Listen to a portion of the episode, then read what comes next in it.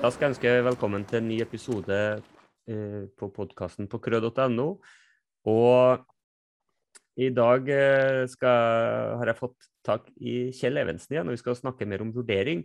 Og vi har jo hatt en tidligere episode om vurdering som har vært veldig populær og godt brukt, så tydeligvis er dette et tema som veldig mange interesserer seg for og ønsker å høre på. da. Så da tenkte jeg da må vi ta en episode til. og vi skal si, snakke litt om, om, på en måte nye ting innenfor det med vurdering, og, og, og, det nye skrivet som har kommet som en sånn støtteskriv, blant annet. Ja.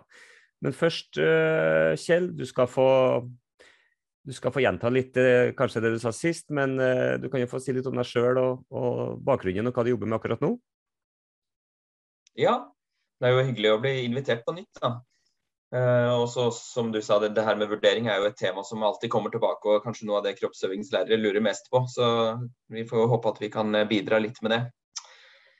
Uh, sist vi snakka sammen, så, så jobba jeg i ungdomsskolen. Og nå har jeg jo gått over i høyskolesystemet og jobber med prosessveiledning og um, dekomp-arbeid ute i skolene. da. Så, så, det er mye veiledning av lærere, skoler og skoleeiere knytta til eh, fagfornyelsen. Det er absolutt mest det jeg jobber med. Og så, siden vi snakka sist, så har jeg jo skrapt sammen til en ny, kort, liten bok om eh, vurderingspraksis. Og den er jo mer Den heter jo 'Helhetlig vurderingspraksis', så den er jo mer sånn generell bok uh, enn den som jeg skrev før, som handla om kroppsøving. Da. Så dette er mer de allmenne prinsippene for vurdering i tråd med fagfornyelsen, i hvert fall eh, sånn jeg ser det. da. Mm. Så du har, eh, du har, hatt noe å holde på med siden sist vi snakka, tydeligvis? Og... Ja, det er ikke noe problem å finne på noe å gjøre innenfor det feltet her. Nei, det er det ikke. Og man skal nok passe seg for å kanskje lene seg tilbake og tenke at nå kan jeg nok om vurdering. Fordi både fag og fagene og skolen er jo utvikling hele tida, og da må jo måten vi tenker og ser på vurdering utvikles òg i, i, takt med det, da. Eh, ja, ja, ja. Har det, skal vi, skal vi, om vi penser oss inn på det med kroppsøving, da har det, har det på en måte skjedd noe hva skjer eh, ute i skolene og sånt nå, da? du som har mye kontakt eh, gjennom Dekom og sånn, eh, på det med vurdering. Hvordan, hvordan, er det på en måte mottatt?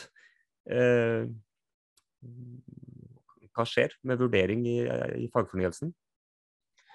Ja, Det jeg opplever at skjer ute på skolen, at det er mange som er usikre. Som kanskje spesielt de skolene som har gått fra en sånn veldig tradisjonell idrettsorientert og testorientert kultur, da, de, da blir jo spennet til fagfornyelsen og intensjonene veldig store. Men eh, så der er det liksom en stor jobb å gjøre. og Jeg hører stadig at det er skoler som fortsatt uh, har den typen praksis, i hvert fall i større og mindre grad. da. Men så har du de skolene som kanskje har hatt en praksis som har vært sånn noenlunde i tråd med læreplanen i K06, også som nå oppfatter at de mister noen av styringsverktøyene de har brukt. Da. Som f.eks. Eh, ja, vurdering av de idrettslige ferdighetene. Eller eh, de har, det er fortsatt skoler som har tester som de kobler delvis mot eh, karakter eller måloppnåelse.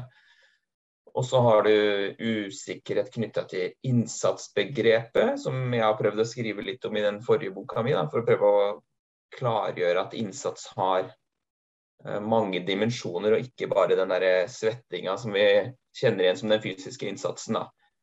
Så, så det er egentlig det er veldig mye sånn på en måte usikkerhet om hva er riktig nå, og hva er rettferdig.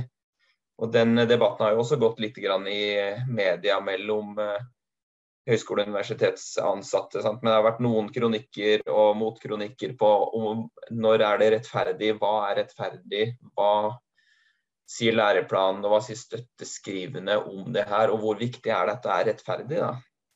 Mm. Så, så det er en eh, spennende debatt, det. og det er vanskelig å komme med noe fasit, for vi har jo handlingsrom også, og tolkningsmuligheter for læreplanen vår. Men, eh, men jeg oppfatter kanskje som først og fremst det her med Eh, at mange lærere oppfatter at de mangler verktøy nå for å gjøre rettferdig eh, vurdering, og spesielt inn mot sluttvurdering. Mm.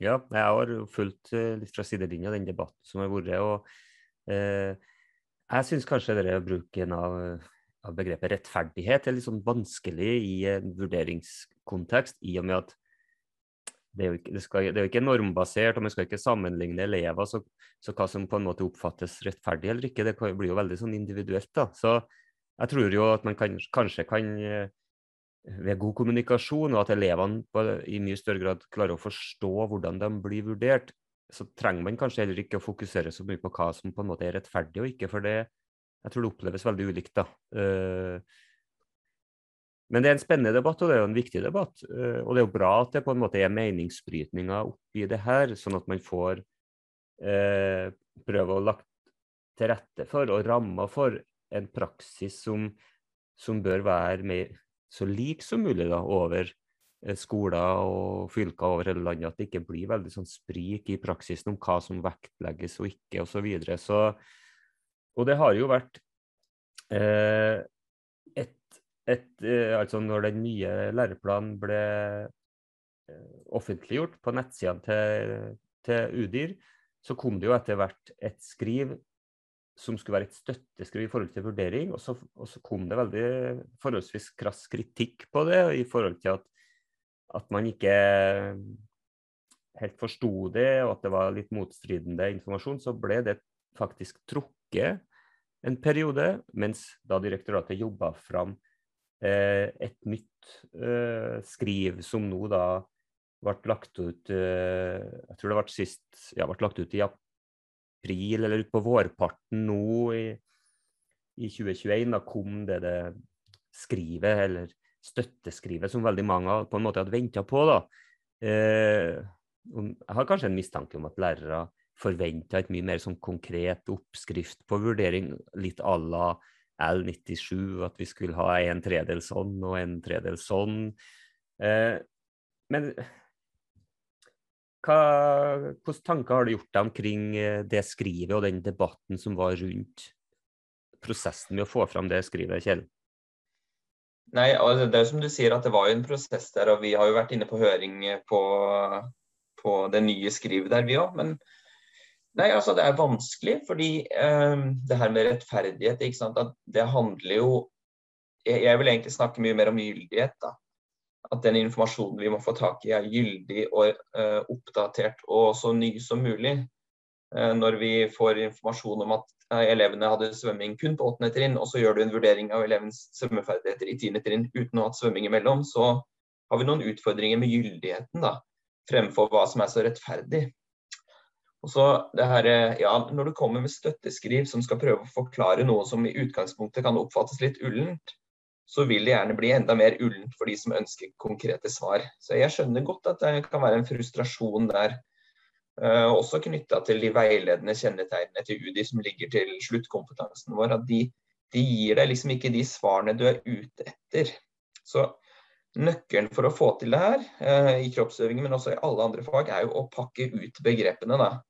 Når det står i kjennetegnene eller i læreplanen at elevene skal øve, som du uh, snakka med Morten Rustad om her som et eget eh, tema. Det, lærere lurer jo på hva øve betyr. Hvordan skal vi vurdere øve? Og Da blir nøkkelen å pakke ut begrepet på skolen. Akkurat som vi gjør med innsats. at Vi kan ikke bare ha det som en sekkebetegnelse, men vi som lærere må forstå begrepet sammen på vår skole eller i vårt nettverk. Og så kan vi kommunisere hva vi forventer ut til elevene våre. Og Ehm, det er veldig vanskelig å konkretisere de begrepene på nasjonalt nivå, fordi eh, du har lokal kontekst, eh, og lærerne har sine erfaringer og sin kultur. Må, og den kompetansen må brukes til å pakke ut, da, til å snakke om begrepene. Og jeg tror at det vil bli mye lettere for lærere å vurdere elevens evne til innsats, øving, utforsking, disse her begrepene som vi trener på begrepene som vi lurer på i læreplanen, hvis vi har et tolkningsfellesskap rundt det på skolen vår, og klarer å pakke ut hva ligger i å øve hos oss, og hva legger vi vekt på i øving på åttende trinn, på niende trinn og på tiende trinn, mot en sluttkompetanse, og da skal øving se slik ut hos oss. Da vil det jo bli mye lettere å gi elever tilbakemeldinger på hvordan du ligger an i forhold til å nå målet. Ikke nivåmessig, men i utviklinga di. Og det vil også bli lettere å kommunisere til elevene hva vi forventer om en stund, og hva vi kommer til å se etter i sluttvurderinga. Så den, den der utpakkinga, eh, bruke profesjonsfellesskap til å definere begrepene for seg, jeg, der har vi mye å hente, og det tror jeg vil gjøre jobben enklere for oss som lærere. Mm. Ja, der er jeg veldig enig. altså. Så på en måte er jeg glad at, at man på nasjonalt nivå ikke på en måte sette opp noen slags eh, smørbrødliste eller, eller, en sånn fordelingsnøkkel som vi var vant til eh, tidligere, fordi da man blir på en måte noe pressa til kanskje å faktisk diskutere det her sammen med kollegaer. Eh, og det er jo i flere og flere både kommuner og, og fylkeskommuner eh, operative nettverk, fagnettverk, i større eller mindre grad.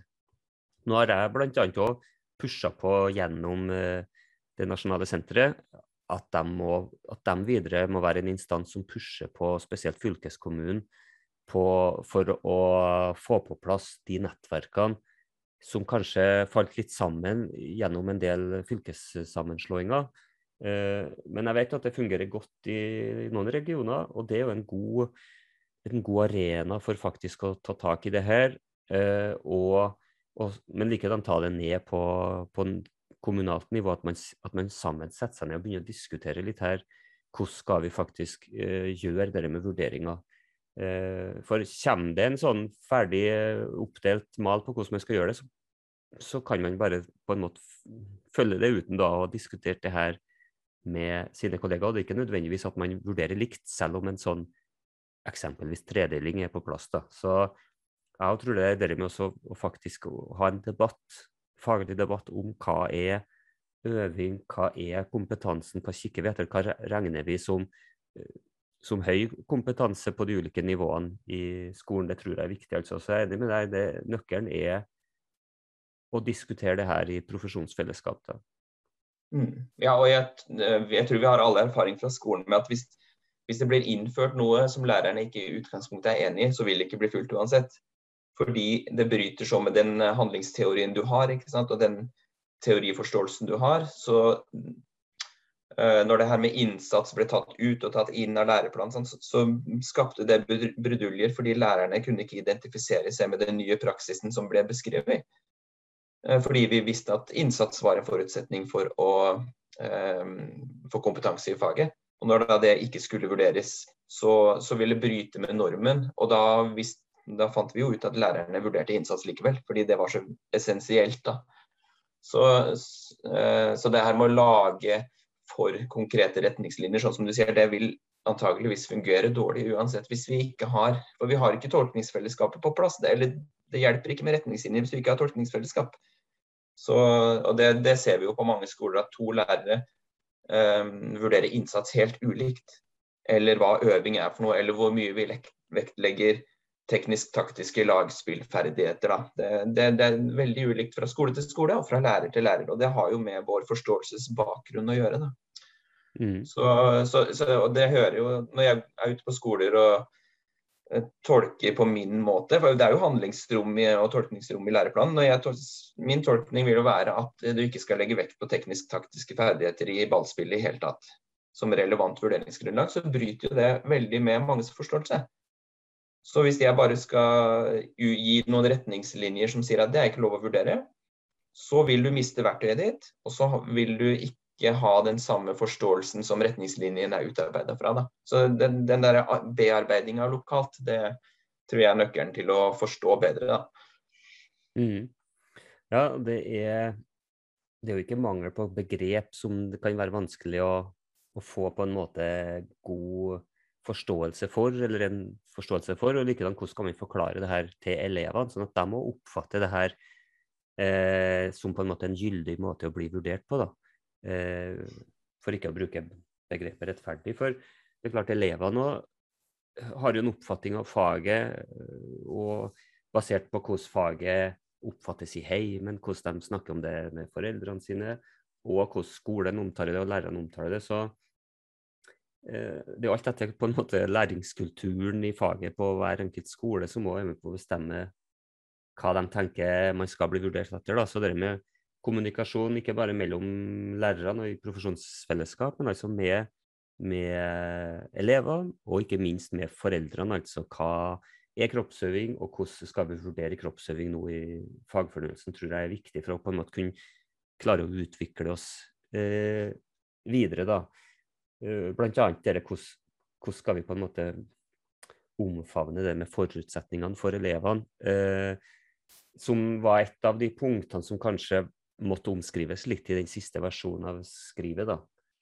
Eh, der at man på en måte ikke skal ha det direkte inn i, i vurderinga, men at mange av kompetansemålene er jo innbakt i at man tar utgangspunkt i elevers forutsetninger. Annet når man skal øve, så øver man jo uansett ut ifra et utgangspunkt. Og det utgangspunktet er jo en, en forutsetning. Da. Så da er det jo ja, også, øvinga man skal vurdere mer enn resultatet. Ja, ja, ikke sant. Og elevens forutsetninger skal du jo ta hensyn til i undervisninga di. Det er jo helt sentralt at både undervisning og tilbakemelding må du jo ta ekstremt stort hensyn til elevenes forutsetninger. Men når det skal vurderes til slutt, så er det kompetansemålene som gjelder. Og noen av de har forutsetninger på en måte innbakt, som du sier, mens noen har kanskje en innretning som gjør at noen forutsetninger kan gjøre at det slår litt uheldig ut for noen. Da. Ja, blant annet det målet om svømmedyktighet på fjerde trinn, så klart underveis i undervisninga så tar man jo hensyn til å individualisere så godt man kan til hver enkelt elev.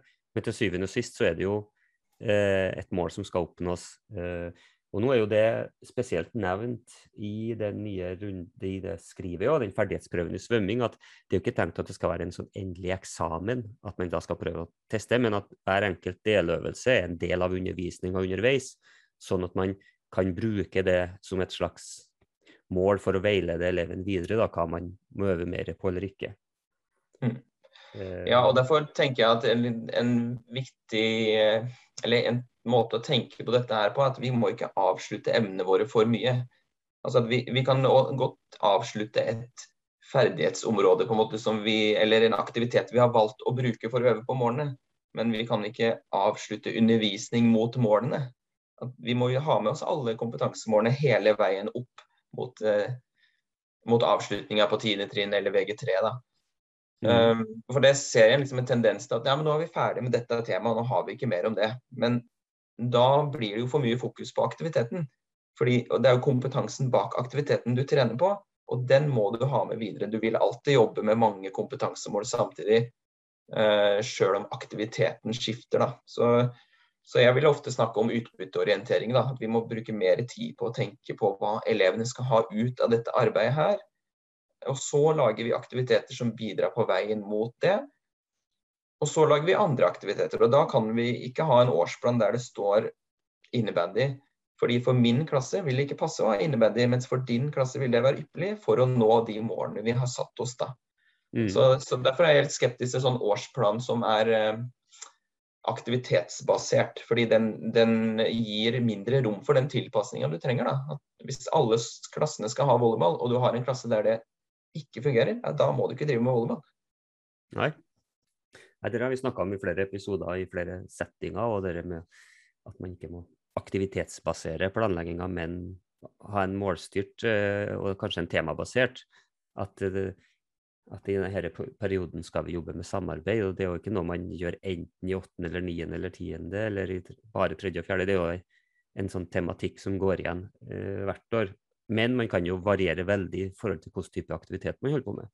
Om det er ja, friluftslivsaktivitet eller Og progresjon, ikke minst.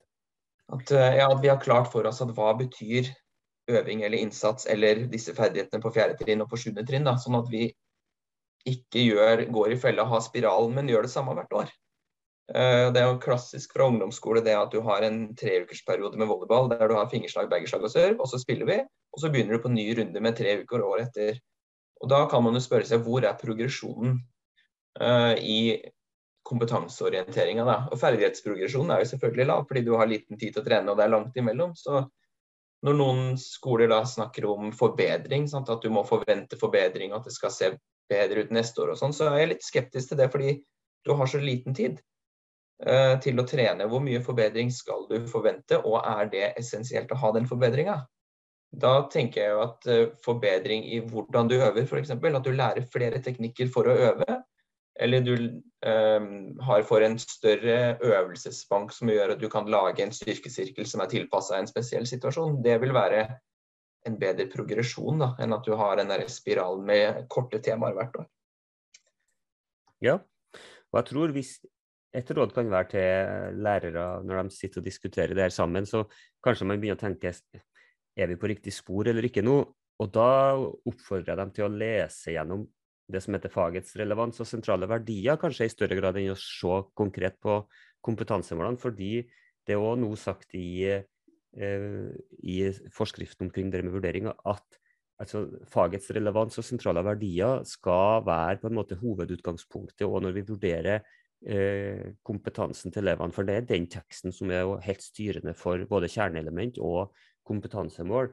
Så gå tilbake og les i den teksten der, og så se om på en måte hvordan vi har tenkt og vurdert.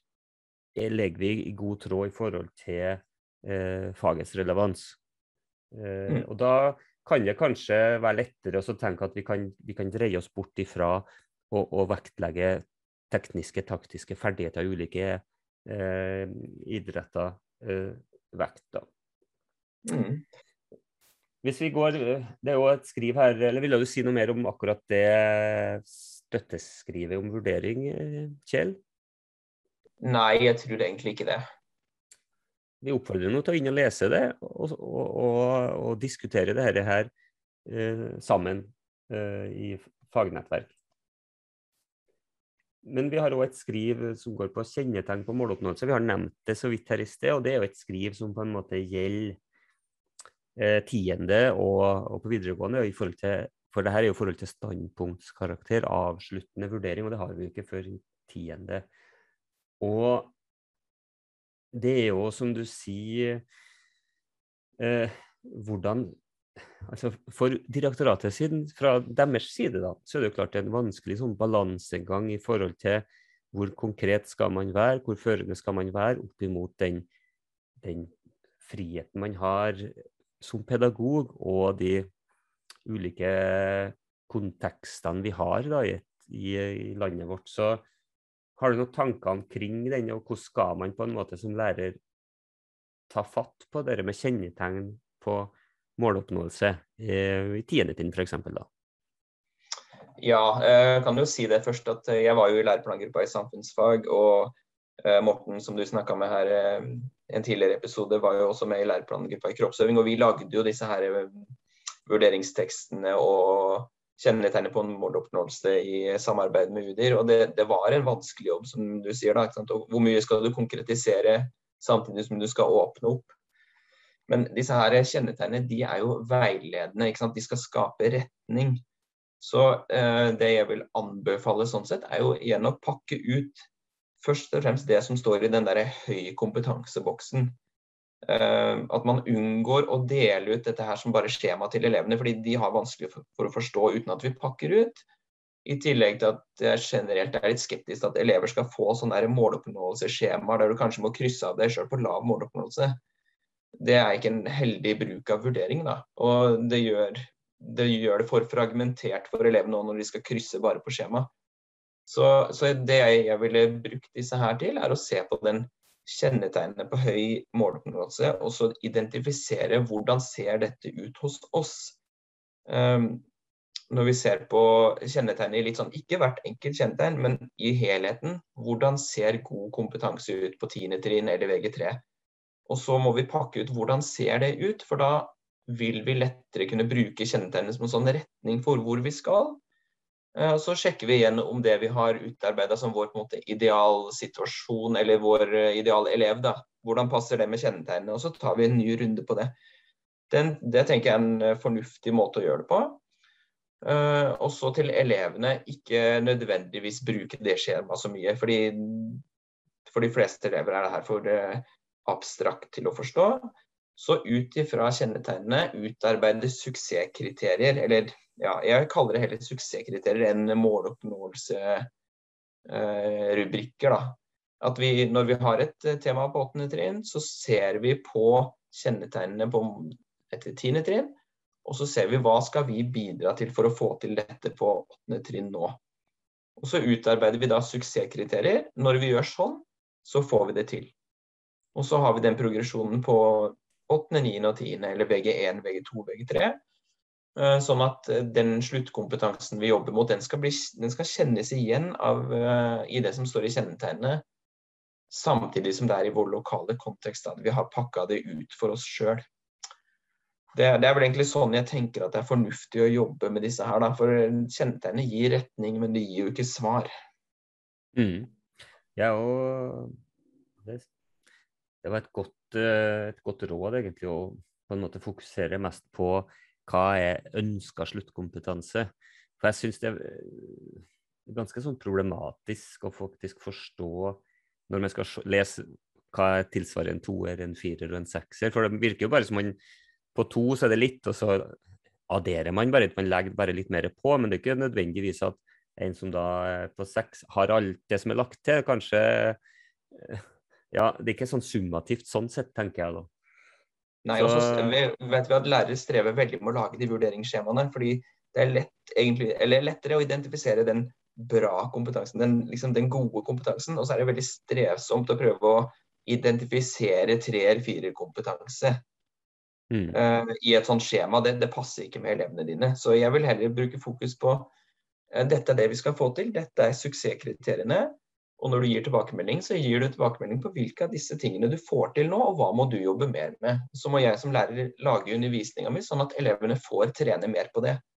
Men mm. da kan du på en måte ikke ha svømming, gi tilbakemelding på crawl-teknikken, og så går vi jo over i innebandy. Sant? Det vil jo ikke gi um, det er ikke god vurderingspraksis, for det gir ikke elevene en læringseffekt av tilbakemeldingen din.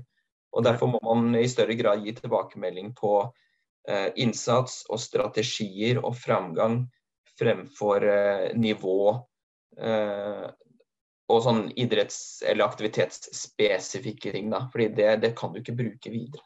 Mm. Veldig godt reflektert, eh, Kjell. Og det, det, er jo et sånt tilbakevendende punkt, her, her det med vurdering. Og, og igjen, altså Man må både litt gå i seg sjøl og, og, og, gå sammen og finne ut av det her, og, og, være flink til å kommunisere med elevene. Og Vi ser jo litt sånn smågrelle eksempel på, det, på sånn skjemaer der man har prøvd og brutt ned. Eh, og, at man da kanskje også skal ha egenvurdering i forhold til lav og middels og høy. Og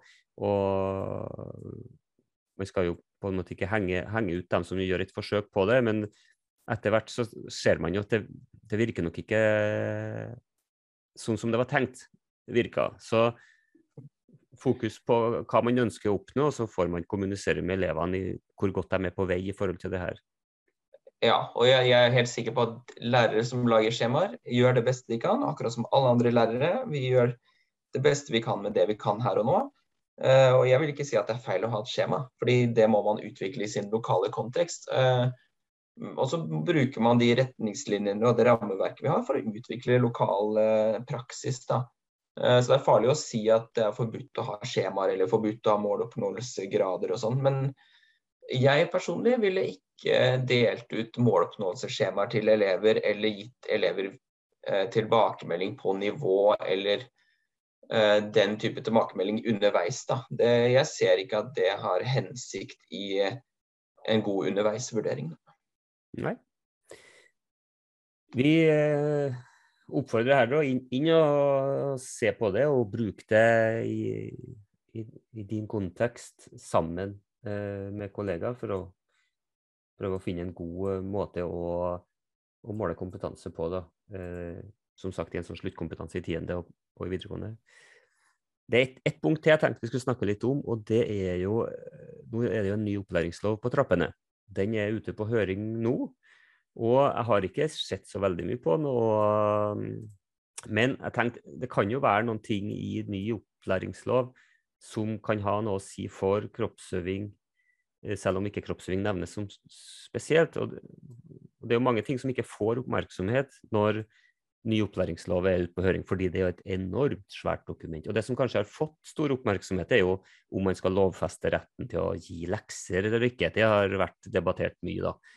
Eh, nå er ikke det det store spørsmålet kanskje i kroppsøving, men når jeg leste litt inn her, så står det at eh, altså det, det, vektlegges i enda større grad nå at elevene skal bli hørt, de skal få være med å påvirke saker som angår dem sjøl, og de må få tilstrekkelig og nødvendig informasjon som de kan forstå.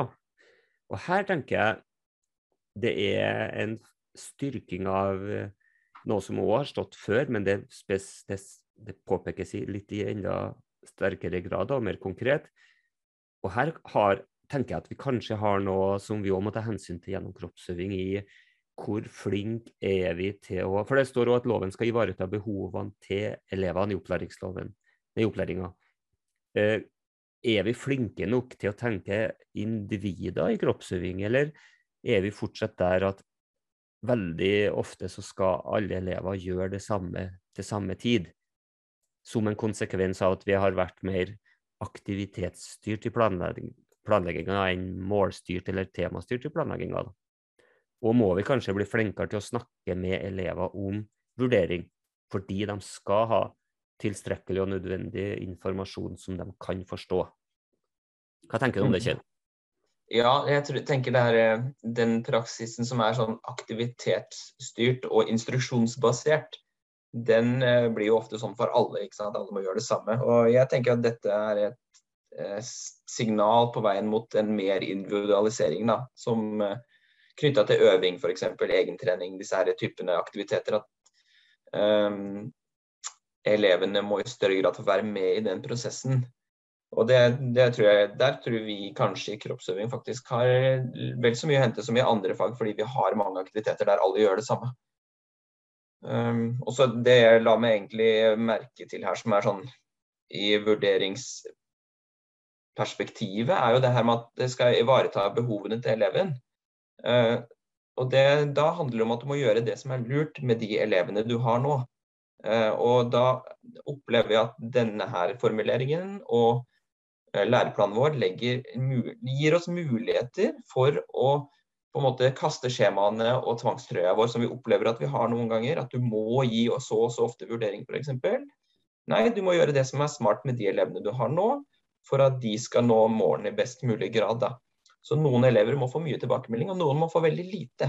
Fordi det er det som er smart for den eleven. Og noen må kun få mestringsorientert tilbakemelding, mens andre må få noe annet. Så vi må individualisere også hvordan vi gir tilbakemeldinger, samtidig som det skal eh, være en håndterlig jobb for læreren. For det, det vet vi jo at f.eks. i videregående så kan du ha 300 elever i kroppsøving to timer i uka.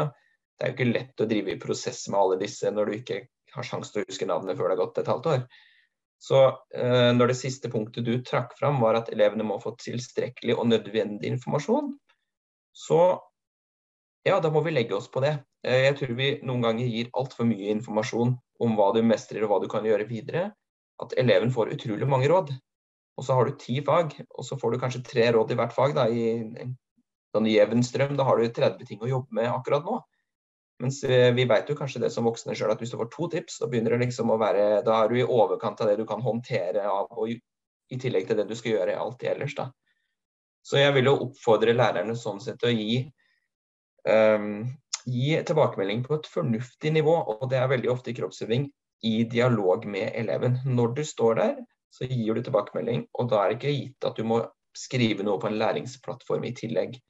Uh, da, du, du, må jo ha et system for deg sjøl som gjør at du klarer å huske litt om elevene dine. Ha med blokka og notere litt. Sant? Men jeg tenker at det er ofte tilstrekkelig. Jeg har fortalt deg nå hva du får til og hva du må jobbe med. Da vi, trenger vi ikke å skrive ned det. Eller om du sjøl forteller det gjennom egenvurdering, så kan jeg følge med på det. Jeg må ikke alltid gi tilbakemelding på egenvurdering heller, men jeg må gi det som er nødvendig informasjon som du kan forstå, og som er tilstrekkelig. Og det, da må vi tilpasse det til den arbeidssituasjonen vi har, da. Um, ja, og nødvendig informasjon, hva er det i kroppsøving? Uh, det tenker jeg er akkurat det samme som i alle andre fag. Du må få vite hva du får til, og hva du må jobbe med. That's it. Så, sånn for eksempel, jeg tolker det her i retning av at informasjon om nivå f.eks. det er ikke nødvendig. Det kan jo være lett å forstå, men det er ikke nødvendig. Og jeg, i mitt perspektiv da, så er ikke det fornuftig bruk av lærerens tid i vurderingsarbeidet. Vi får jo etter hvert se det er en lang prosess eh, med mm, høringsrunder om den opplæringsloven, så jeg tror ikke den er tenkt å være på plass før i 2023 eller eh, noe sånt. Det skal, det, og nå har vi jo skifte i, på politisk nivå, så vi vet jo ikke helt hvordan det her eh, bærer. Men den opplæringsloven er iallfall ute på høring. så